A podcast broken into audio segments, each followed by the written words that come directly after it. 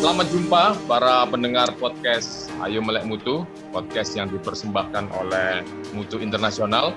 Kami mempunyai misi dengan podcast ini adalah membangun dan mengkampanyekan hidup bermutu. Eh, jadi ternyata di dalam kehidupan kita sehari-hari banyak hal-hal yang perlu ditingkatkan mutunya, misalnya dengan mengkonsumsi produk-produk yang aman, tersertifikat, dan uh, memiliki uh, standar pengujian yang uh, cukup ketat. Nah, pada pertemuan sore ini telah hadir di tengah kita Mbak Ica Lisa Farhati. Beliau adalah Pranata Humas Kementerian Perdagangan. Ini cocok urusannya uh, dagang berdagang dengan komoditi yang berkualitas. Dan juga beliau adalah anggota Dewan Pengurus Pusat Bidang Kerjasama IPRA Humas Indonesia, uh, Ikatan Pranata Humas Indonesia. Nah, ya.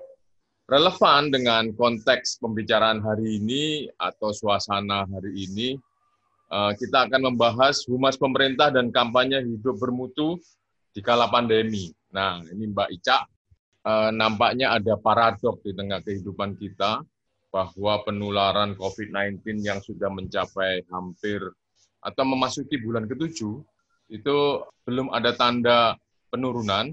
Namun di sisi lain masyarakat ini nampaknya uh, semakin santai, semakin uh, merasa bahwa penularan itu uh, non jauh di sana.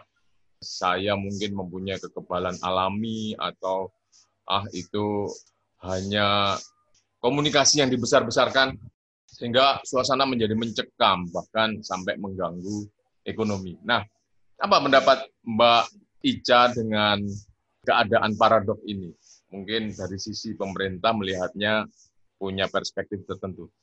Uh, sepertinya saya akan menjawab secara pribadi dulu, Pak. Kalau menurut saya secara pribadi uh, melihat adanya fenomena itu memang uh, menurut saya uh, musuh terbesar kita ini sekarang memang karena adanya kejenuhan informasi dan kemudian juga banyak banyaknya berita-berita yang istilahnya tidak benar gitu, berita-berita hoax yang membuat akhirnya uh, publik itu tidak lagi mencari sumber dari dari pemerintah. Maksudnya uh, biasanya kan narasi itu memang sudah kewajibannya pemerintah untuk uh, memberikan keamanan, tapi sekarang ini yang terjadi menurut saya uh, semua orang bisa membuat informasi.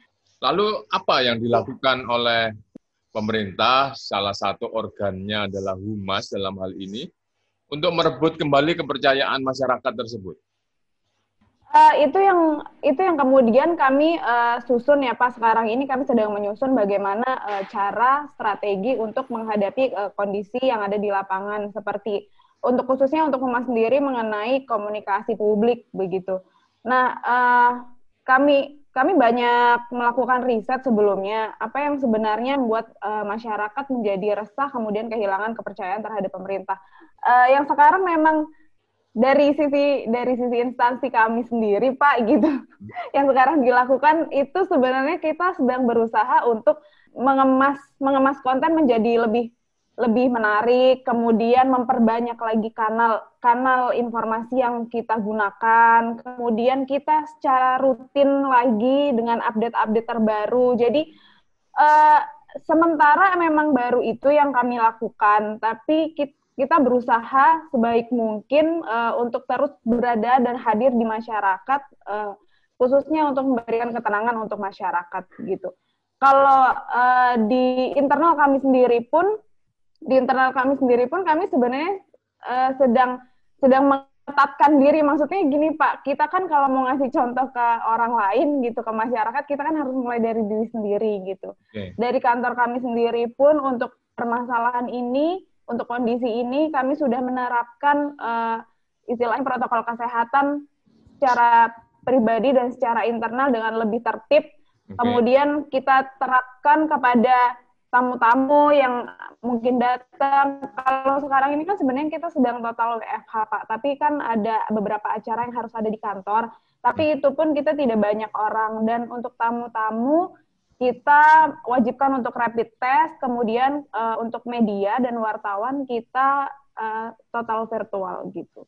Oke, tadi ada disebutkan oleh Mbak Ica uh, sebagai bagian dari organ pemerintah, Humas selalu berusaha senantiasa hadir, tentu saja dengan informasi-informasi yang memberikan ketenangan kepada masyarakat.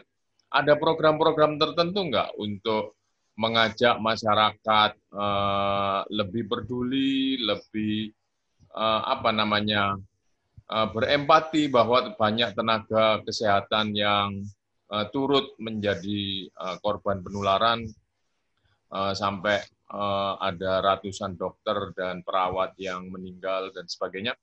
Nah, apa program-program khusus yang dibuat oleh mungkin kalau Humas Kemendak banyak berbicara tentang Kementerian Perdagangan, tapi sebagai asosiasi uh, ikatan Pranata Humas apa yang dilakukan?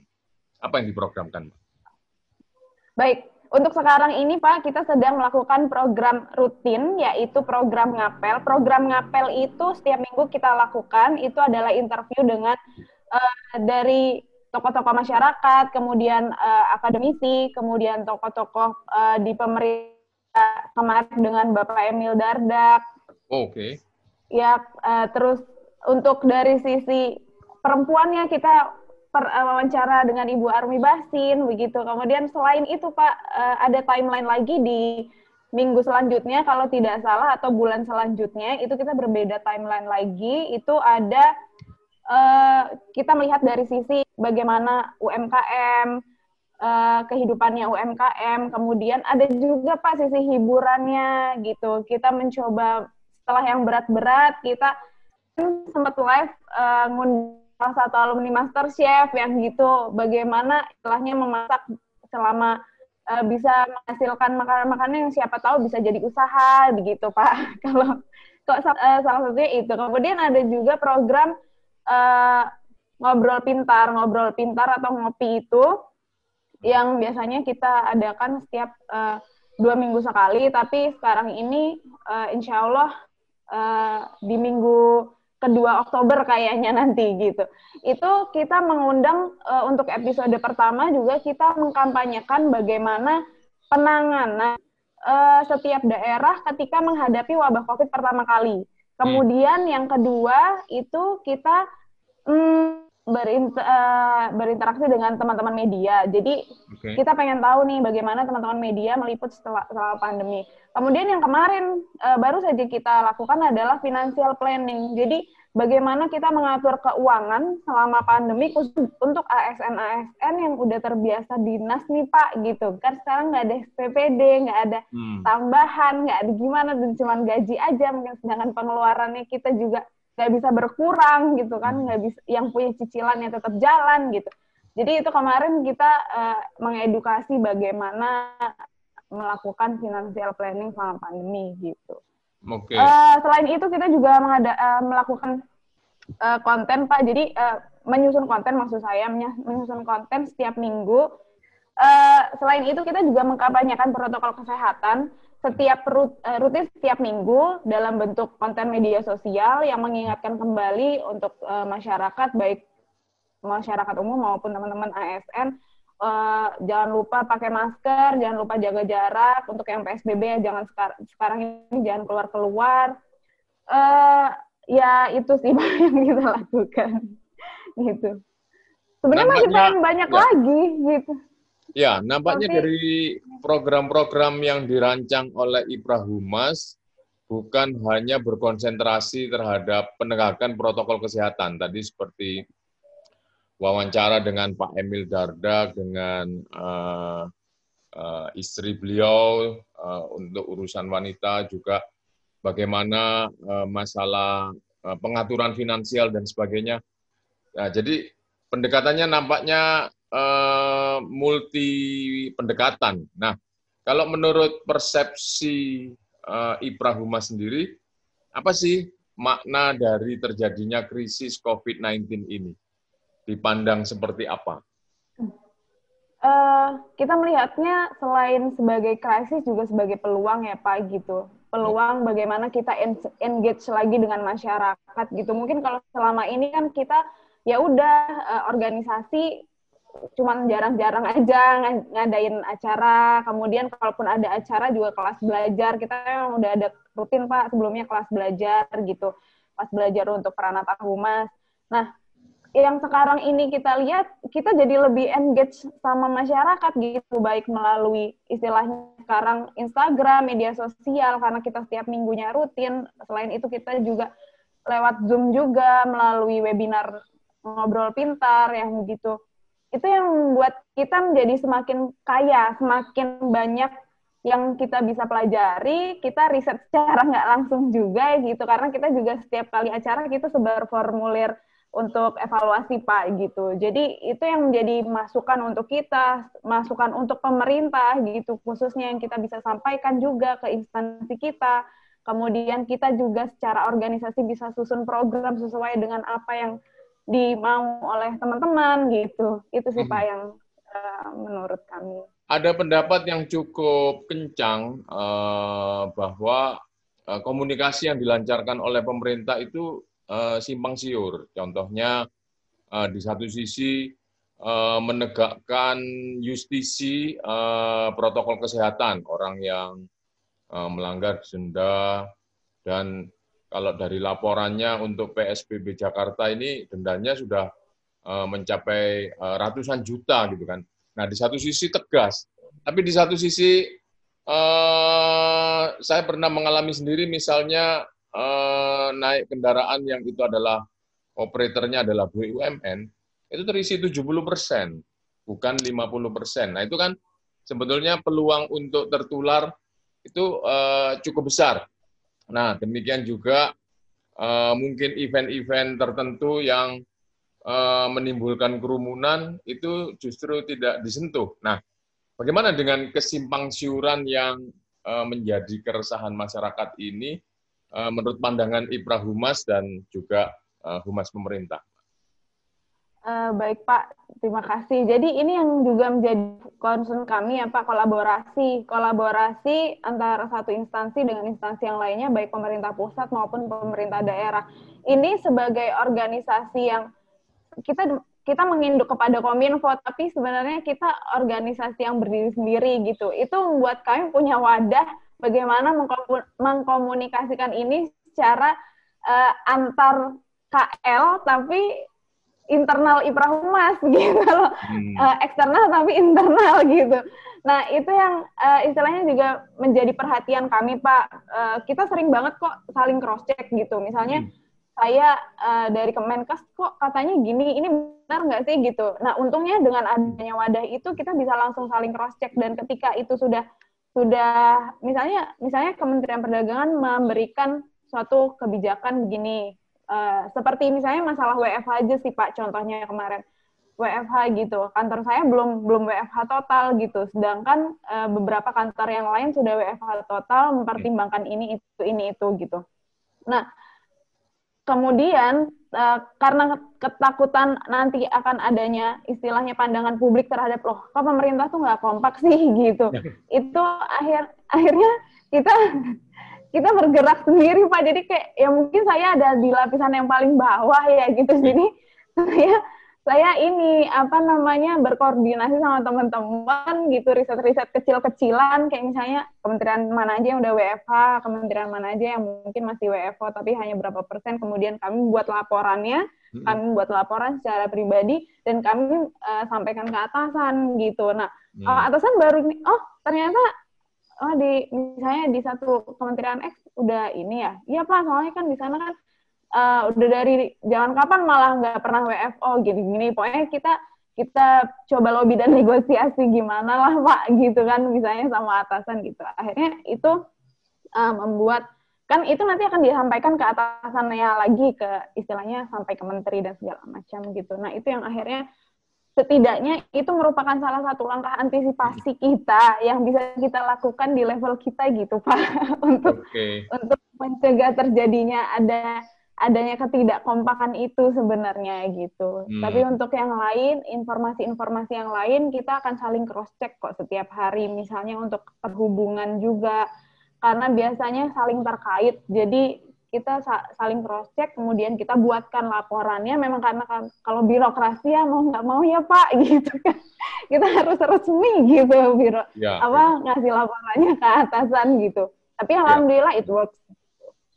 Mungkin Mbak Ica bisa ceritakan kepada para pendengar, uh, kan ini uh, organisasi yang meliputi beberapa departemen atau mungkin malah uh, sekian kementerian termasuk uh, departemen yang apa institusi yang non kementerian.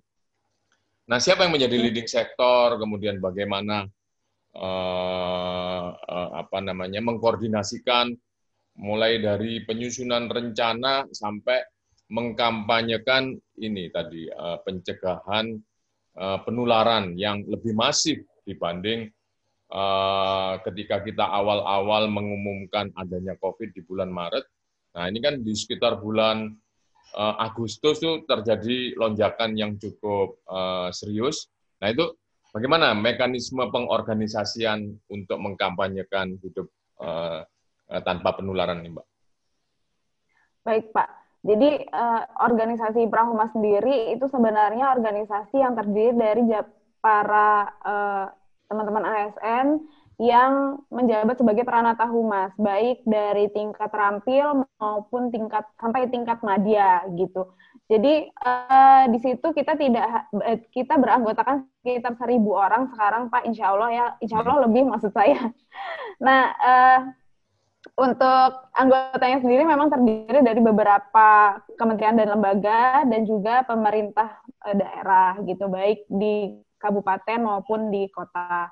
Hmm. Nah, sejauh ini organisasi kita ini memang masih menginduk kepada Kominfo. Jadi pembinanya itu memang masih dari Kominfo, Pak, gitu. Okay. Untuk pembinanya sendiri Direktur Jenderal Informasi Komunikasi Publik yang sekarang jabat oleh Bapak Widodo. Nah, itu uh, yang setidaknya ketika kita selain kita mempunyai program sendiri, kita juga mendapatkan advice dari uh, dari Kominfo sebagai induk organisasi gitu. Apa yang harus kita lakukan seperti kayak misalnya pem, uh, tolong dong Ipra Humas bantu uh, kita istilahnya kampanye protokol kesehatan gitu dan juga informasi uh, yang baik dan benar, jangan percaya hoax dan segala macamnya. Oh, kita hmm. akhirnya ketika mendapatkan titah seperti itu, selain kita juga sudah punya program sendiri, kita akhirnya dari ketuanya sendiri kan ketua Iprahuma juga orang Kominfo Pak. Jadi ke, ketuanya langsung membuat rapat secara internal di De Dewan Pengurus Pusat itu, kemudian dari Dewan Pengurus Pusat itu sebenarnya ada bagian-bagian lagi seperti saya ada di bidang kerjasama yang memang urusannya eksternal.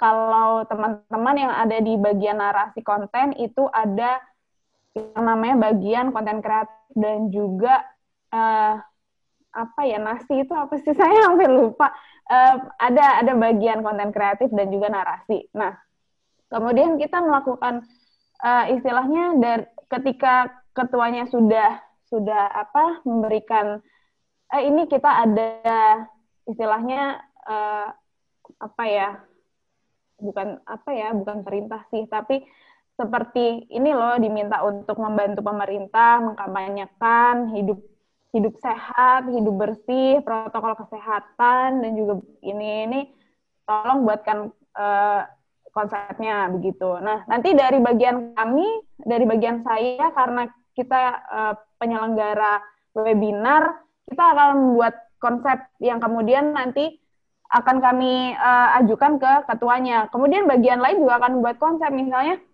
bikin infografis mungkin untuk bagian yang konten kreatif itu membuat infografis. Jadi setiap bagian kemudian nanti akan memberikan kontribusinya berupa entah itu program acara, entah itu konten narasi. Hmm, begitu Pak biasanya. Jadi uh, kurang lebih begitu alurnya gitu Pak. Alurnya seperti itu ya. Apa Mbak yang paling iya. sulit ketika Eh, mengkampanyekan uh, hidup mencegah penularan ke masyarakat? Apa yang paling sulit?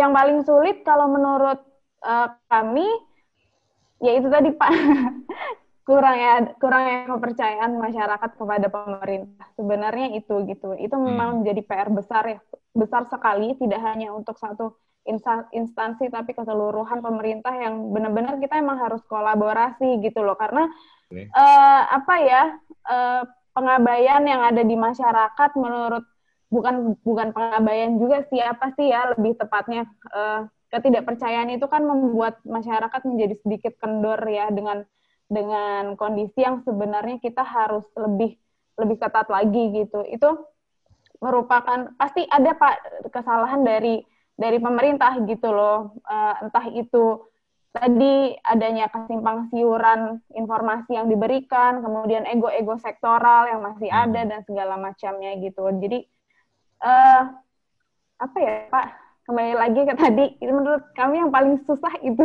sih masalah kepercayaan itu karena kalau udah percaya sebenarnya uh, masyarakat pasti akan membantu bagaimana ke, pelaksanaan kebijakan pemerintah menurut kami begitu. Oh baik, uh, diramalkan atau diharapkan kan COVID ini sangat diharapkan uh, bisa terkendali di akhir 2020. Uh, vaksin sudah mulai diberikan karena uji coba sudah sampai tahap akhir dan kemudian juga apa bayang-bayang resesi dan mungkin juga Indonesia sudah masuk resesi hari ini. Apa kemudian percepatan atau uh, tindakan pelipat gandaan dari IPRA Humas untuk memastikan bahwa di akhir 2020 ini uh, krisis akibat pandemi COVID ini sudah uh, benar-benar berakhir, Mbak? Dari sisi organisasi, kita itu biasanya setiap setiap hari Pak sampai sekarang ini kita masih masih rajin gitu mengupdate informasi mengenai update terbaru jumlah korban dan jumlah kesembuhan dan segala macamnya gitu. Nah, uh, sebenarnya ini merupakan uh, langkah strategis sih Pak yang harus dilakukan oleh pemerintah. Tapi memang kita menyadari Pak sekali lagi kita ini ada di level yang ya kita kalau saya sih merasa memang birokrasi itu kan uh, yang bisa membuat kebijakan memang yang di atas. Tapi kami yakin bahwa meskipun kita berada di level yang uh, istilahnya masih masih di sini gitu, kita bisa melakukan suatu suatu apa ya gerakan juga gitu loh. Nah uh, terkait dengan vaksin itu sebenarnya ini kita lagi fokus juga Pak informasi ke Kementerian Kesehatan gitu loh. Okay. Jadi teman-teman yang di Kementerian Kesehatan itu sekarang ini tiap hari lagi kita todong informasi gitu. Ini benar nggak sih nih gitu loh. Ini ini vaksin ini sudah sampai mana sebenarnya? Karena kalau di TV begini tapi nanti ada lagi narasumber yang begini bicaranya gitu agak simpang siur lagi gitu. Jadi memang teman-teman Kemenkes sendiri sedang kita uh, minta informasi yang benar-benar jelas dan detail agar nanti kita bisa buatkan narasi untuk ke uh, masyarakat begitu. Kita bantu uh, kita bantu buatkan narasi ke masyarakat. Selain itu kita juga bisa sampaikan apa yang mungkin memang mungkin uh, ada juga Pak uh, sesama instansi pemerintah yang belum tahu benar-benar itu vaksin benar benar ada apa enggak ya? Benar nanti hmm. Desember apa enggak ya? Ad, pasti ada yang masih juga meragukan. Nah itu yang yang akhirnya buat kita kita harus dapat dari orangnya langsung kita harus dapat hmm. dari narasumbernya langsung. Jadi kita sendiri juga nggak bertanya-tanya gitu. Meskipun kita yang memang tidak menangani vaksin tapi kita harus punya punya satu suara untuk nanti narasi ke masyarakat gitu. Jangan sampai kita walaupun kan uh, misalnya kita misalnya saya gitu saya kan bukan dari uh, yang ngurusin vaksin. Jangan sampai begitu gitu loh kita jawabnya. Kita harus punya punya uh, apa istilahnya data. Kita harus punya informasi. Kita juga bisa sampaikan ke instansi dan ke atasan kita kali aja itu terkait sama uh, instansi kita juga gitu kan gitu. Secara yeah. semuanya kan sama baik sebenarnya. Begitu, Pak. Maaf ya, Pak ya. Jadi panjang. nah, justru dengan tadi uh, ada sektor atau departemen yang masih belum jelas posisi vaksin, ada yang uh, bertanya sampai tahap mana, kemudian muncul narasi uh, penanganan COVID-19 ini hendaknya tidak uh, semata-mata bergantung pada vaksin. Demikian juga WHO uh, eh, juga menyiratkan statement yang kurang lebih seperti itu.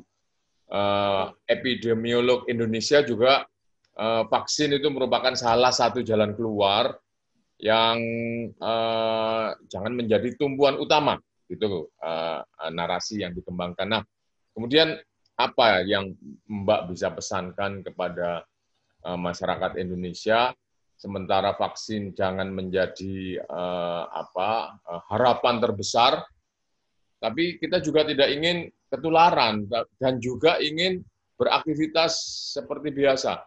Yang ditakutkan dengan pandemi COVID ini kan selain ketularan juga kesehatan mental kita. Berlama-lama di rumah, kemudian apa aktivitas ekonomi semakin melambat perputarannya, itu kan bisa mengganggu kesehatan jiwa. Nah, apa pesan dari Mbak sebagai uh, praktisi humas terhadap keadaan ini? Sepertinya saya juga sedang membutuhkan uh, kata-kata penyemangat nih. Jadi ketika saya harus menyemangati orang, baiklah kita sama-sama aja ya kalau gitu. gitu. Uh, jadi yang yang perlu kita garis bawahi adalah apa yang terjadi di, di Indonesia ini, apa yang terjadi di saat ini dengan kita itu juga dirasakan eh, dan terjadi di negara lain begitu. Kita semuanya sama-sama sedang menghadapi pandemi ini gitu dan apa yang bisa kita lakukan agar pandemi ini juga segera berakhir atau setidaknya kita bisa bertahan dengan kewarasan dan kesehatan gitu ya. Kita bergandengan tangan, kita bersama-sama kita saling percaya itu yang menurut saya menjadi kunci pak gitu karena kalau hmm. masyarakat nggak percaya pemerintah pemerintah juga nggak percaya masyarakat udah saling saling ini sendiri ya nggak akan bisa jalan bareng-bareng, tidak akan bisa menjalankan apa yang itu namanya protokol kesehatan, nggak ada nggak bisa menjalankan yang namanya PSBB dengan baik gitu loh.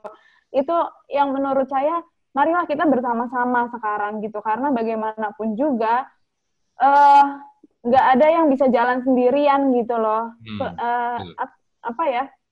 Jalan sendirian itu nggak akan ketemu dan malah malah bikin ini semuanya nggak akan selesai selesai gitu kalau menurut saya begitu pak. Uh, sebagai personal yang mendalami komunikasi, Mbak Ica sudah eh, kuliah di bidang komunikasi, S2-nya juga komunikasi. Apa Mbak kata kunci untuk satu meredam uh, penularan COVID, yang kedua uh, masyarakat ini uh, mau alert, mau waspada bahwa ancaman itu belum berakhir. Apa kata kunci, Mbak, untuk menggerakkan mereka ke arah yang sama sehingga tadi uh, penularan itu semakin minim?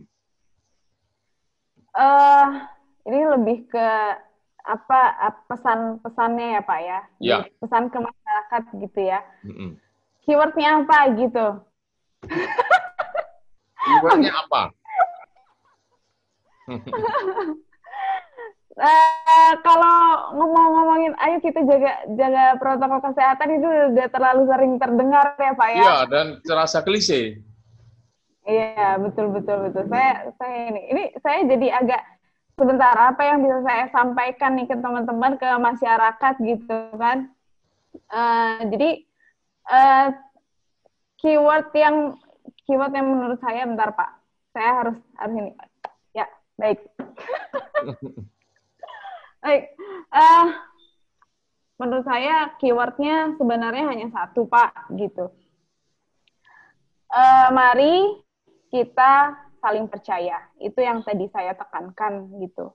Baik teman-teman yang berada uh, sekarang bekerja sebagai ASN maupun swasta maupun masyarakat yang masyarakat uh, yang terkena dampak seperti PHK dan segala macamnya, mari kita saling percaya, kita lakukan apa yang uh, begini. Pemerintah pasti sudah memikirkan dan melakukan uh, riset yang baik sebelum mengeluarkan kebijakan. Kita kita harus mempercayai itu.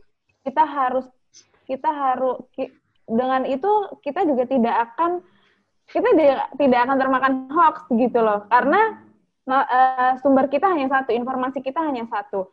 Bukan berarti uh, saya bilang ini tersentralisasi di pemerintah saja untuk informasi dan segala macamnya. Tidak, uh, masyarakat tetap masih bisa mengambil informasi dan peroleh informasi dari tempat yang lain. Tapi setidaknya mari saling percaya.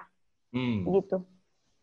Nampaknya itu ya yang menjadi uh, kata kunci kita dan kata kunci yang di uh, apa namanya uh, ingin ditularkan oleh Ipra Humas maupun insan-insan uh, humas pemerintah uh, bahwa di tengah pandemi ini uh, kalau kita lihat petanya seperti ruwet, tapi sebetulnya keruwetan itu bisa dihadapi dan kemudian kita menuju situasi yang lebih baik kalau ada saling percaya, betul seperti itu ya Mbak ya? Betul Pak. Eh, masyarakat percaya pada pemerintah, pemerintah juga tidak menyalah-nyalahkan kepada masyarakat sehingga eh, ada apa namanya sinergi di antara keduanya. Seperti Betul, itu. Pak. Oke, iya. menarik sekali perbincangan kita sore ini. Oh, iya. Dan kita berharap uh, apa yang disampaikan oleh Mbak Ica menjadi inspirasi buat kita semua bahwa uh, pandemi ini belum berakhir, tapi juga bukan hidup ini sudah berakhir. Masih ada iya. harapan yang bisa uh, kita tempuh. Uh, uh, ada beberapa meme yang sarkas tapi menarik. Tetaplah hidup walaupun hidupmu tidak berarti. ada juga Pak yang ini 2020 kita bisa bisa sehat, bisa waras saja udah bagus. Ada juga yang begitu kan Pak. Sesungguhnya Pak, kita ingin melanjutkan perbincangan ini lebih jauh, tapi uh, karena dibatasi oleh waktu uh, 40 menit dan tidak terasa sudah 40 menit, jadi itu tadi uh, apa yang disampaikan oleh uh, Mbak Ica dengan kata kunci tadi uh, saling percaya. Nah, kita berharap uh, para pendengar untuk uh, mulai merenungi dan menjalani saling percaya itu uh, seraya uh, menegakkan protokol kesehatan, walaupun mungkin terdengar klise, tapi jangan bosan-bosan. Pakai masker, rajin cuci tangan, jaga jarak. Dan uh, tidak perlu keluar rumah kalau tidak penting-penting amat. Itu mungkin uh, menjadi pesan yang bisa ditempuh sambil kita menunggu vaksin dan berharap eh, selain itu banyak perangkat-perangkat di rumah kita yang kita bisa manfaatkan untuk tetap produktif sehingga ekonomi tidak perlu eh, apa namanya runtuh atau kita mengalami resesi yang sangat dalam. Kira-kira seperti itu, Mbak Ica? Betul Pak, wah luar biasa loh Bapak loh ya Allah merangkumnya bisa langsung dalam satu kalimat. Wow luar biasa perbincangan sore hari ini. Sebenarnya masih banyak banget ya Pak ya yang apa kita bisa apa ngobrolinnya lagi tapi Oh jangan khawatir. Akan kita undang kembali Mbak Ica topik-topik yang lebih advance. Tapi yang jelas di pertemuan kita hari ini, di pertemuan kesempatan ini, kita mendapatkan pencerahan, kita mendapatkan inspirasi dari bahwa pemerintah itu benar-benar serius untuk menangani uh, pandemi COVID ini. Kurang lebih ya. seperti itu ya, Mbak. Terima kasih banyak, Pak. Betul sekali. Tidak ada celah, luar biasa. Baik. Kita tutup pertemuan uh, dengan Mbak Ica sore ini dan kita berharap akan uh, uh, apa berbincang-bincang kembali untuk uh, topik yang berikutnya. Terima kasih Mbak Ica. Uh, sampai Terima kasih banyak Kak Firman dan juga teman-teman dari Ayo Melek Mutu. Saya merasa terhormat sekali. Terima kasih banyak. Semoga tidak kapok. oh, tidak kapok. Sangat berharga. Terima kasih.